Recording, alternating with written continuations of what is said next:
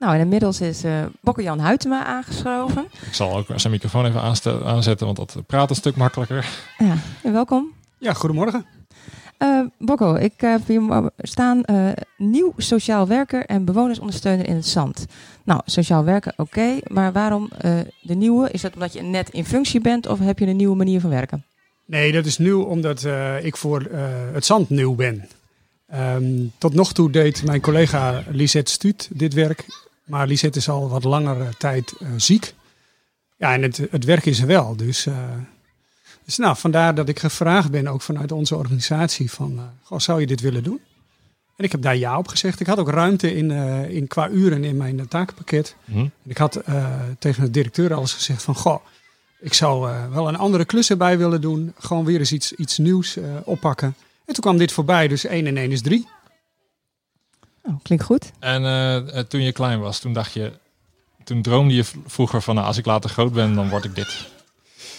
Mm, nou, nee, niet helemaal. Maar ik moet wel zeggen dat zeg maar, het gedrag van mijn moeder uh, er wel voor gezorgd heeft dat ik welzijnswerk ben gaan doen. Oké, ja.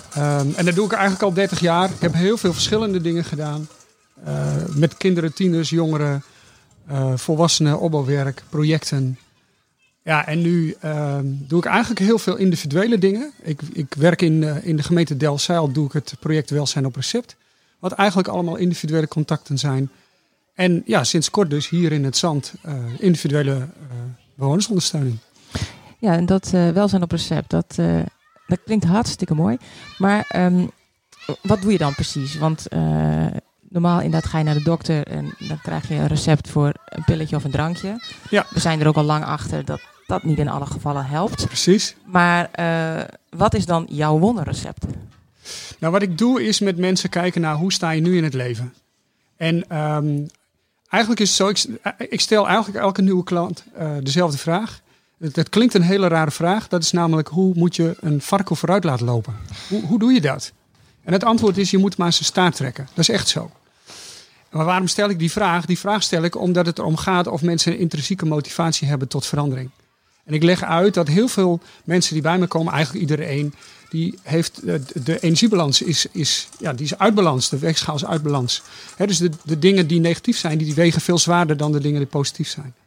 En wat ik met mensen naar op zoek ga, is hoe kan je nou die, die, die weegschaal weer meer in balans krijgen? En dat zit hem in de dingen waar je positieve energie van krijgt. Dus waar word je blij van? Waar heb je talent voor? Ja, wat zijn je uitdagingen, je dromen, je, je idealen? Als je daarin kleine stapjes kunt gaan zetten, dan lukt het eigenlijk iedereen om die weegschaal in balans te krijgen. En daarmee ook minder last te hebben van die fysieke klachten waarmee mensen in eerste instantie bij de huisarts kwamen. Dat is eigenlijk heel in het kort wat ik doe met welzijn op recept. Mm En het is heel erg coachend. Ja. Nou ja, en, ik en, ik gebruik daarvoor uh, het gespreksinstrument van positieve gezondheid mhm. en die uitgangspunten, omdat dat heel erg ook aansluit bij hoe ik daar zelf naar kijk. De, de, ik sta zelf heel positief in het leven. En ik merk dat dat gewoon heel veel energie oplevert. Kan je daar iets over vertellen, over de, positieve gezondheid? Wat, uh, nou, eh, positieve gezondheid is uh, ontwikkeld uh, onder andere door uh, Maglot Huber. En gaat ervan uit dat gezondheid niet alleen maar het niet hebben van ziektes is, maar veel breder. Dus je kijkt ook naar kwaliteit van leven, of je meedoet in, in, in, in de maatschappij, in de samenleving, zingeving, dat soort zaken. Dus het gaat niet alleen maar over of je fysiek oké bent en of je je dagelijkse dingen nog wel kunt doen. En op het moment dat je naar die aspecten kijkt, ja, dan komen ook veel meer die, die positieve dingen naar voren. Of mensen geven aan van ja, die mis ik eigenlijk en daar zou ik wel stappen in willen zetten. Mhm. Het gaat dus niet om wat ik daarvan vind, het gaat heel erg om wat die mensen daar zelf over zeggen. Ja, maar nou. Ehm, uh, is vaak de uitdaging ook om de mensen te vinden. Kijk, er zijn natuurlijk heel veel mensen die al heel bewust zijn en die dan ook actief op zoek gaan naar zo'n instrument en daar ook mee aan de slag gaan. Ja. Maar er lopen natuurlijk ook heel veel mensen rond die daar heel erg bij gebaat zouden zijn, maar die nooit in aanraking komen, uh, dus niet uit zichzelf dat heel snel zullen doen. Nee. Hoe bereik je die mensen? Nou, het grootste deel van de mensen die bij mij komen worden verwezen door een huisarts of een praktijkondersteuner. Want er zijn veel mensen die met lichamelijke klachten bij huisarts komen waar dus geen medische achtergrond achter zit. Mhm. En dan gaat het heel vaak over stress, spanning, rouw, verlies, eenzaamheid, dat soort zaken. Heel veel eenzaamheid. Ja, ja. ja als je natuurlijk andersom, als jij nou ja, doet wat je nu doet, Ja. dan ontlast je die huisarts ook. En Jazeker. Dat is natuurlijk ook wel heel fijn, want Ja. nou, we horen allemaal natuurlijk dat het ook lastiger wordt om, nou, zeker in de minder dichtbevolkte gebieden, eh, voldoende huisartsen eh, Ja. te krijgen. Ja. Ja, en op deze manier eh, maak je dat vak ook weer wat aantrekkelijker. Want ik kan me ook wel voorstellen dat voor een jonge huisarts het misschien niet, nou, niet altijd het ideaalbeeld is om hele lange dagen te maken. En misschien zelfs wel wat gevoel te hebben dat je dan nog niet genoeg kunt doen. Nee, nou ja, ik zeg altijd maar zo. Een huisarts heeft 10 minuten. En ik heb anderhalf uur. Kijk, En als Ja. het nodig is, twee keer anderhalf uur. En als het nodig is, drie keer anderhalf uur. En ik begeleid mensen eh, soms meer dan een jaar als dat nodig is. Ja, dat, dat is voor een, een huisarts eigenlijk niet, niet te doen. Nee. Dus Nee, ik maar- benijd die huisarts ook niet hoor. Nee, kijk, en die huisarts die heeft eh, dan nog steeds niet het goede recept. Hè? Want eh, net wat jij zegt, heel veel klachten zijn natuurlijk niet puur fysiek. Hè? De, de, de, de uiting is wellicht fysiek, maar ja, daar moet een, eh, ja, daar, daar moet een andere knop gedraaid worden. En eh, Ja. nou, mooi te horen dat jij dat Ja. hier mag doen. Je bent bewonersondersteuner. Ja. Eh, nou eh, zitten we eh, in het zand. We zitten hier in een dorp waar ontzettend veel gaande is. Ook als het gaat over de versterkingsopgave. Wordt er wel of niet gesloopt? Dat soort, dat soort zaken. Merk je daar ook veel van? Ja, nou ja, ik ben natuurlijk nog betrekkelijk nieuw. Mhm. Ehm, dus het is niet dat ik alle ins en outs al, al, al weet. Maar ja, er, er wordt gewoon, er gebeurt ontzettend veel. Mensen krijgen heel veel voor hun kiezen. Ehm, hè, de- je, je, woning, eh, je woning wordt gesloopt. Je komt tijdelijk in een, in een, eh, een wisselwoning te zitten.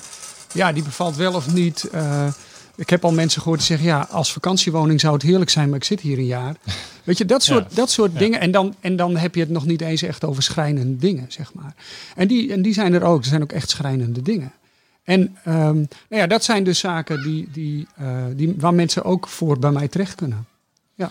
En daar, maar dan, eh, ze worden veel verwezen.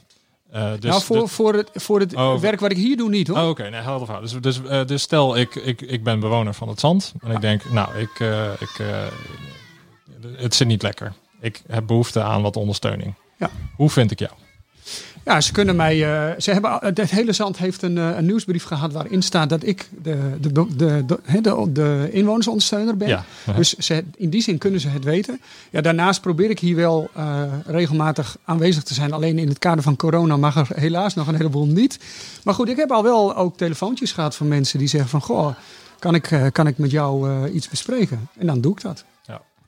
Nou, mooi. Dus eh, pamfletten eh, zijn niet meer nodig. Iedereen weet al wel een beetje dat eh Bokkel Jan de persoon is die... eh, Ja, nee, dat, dat, dat hoop ik in ieder geval dat mensen het weten. En eh, voor de rest, ja, ik- kijk, er zijn verschillende mensen die, die dat nu eh, al wel weten en die hier een functie eh, hebben.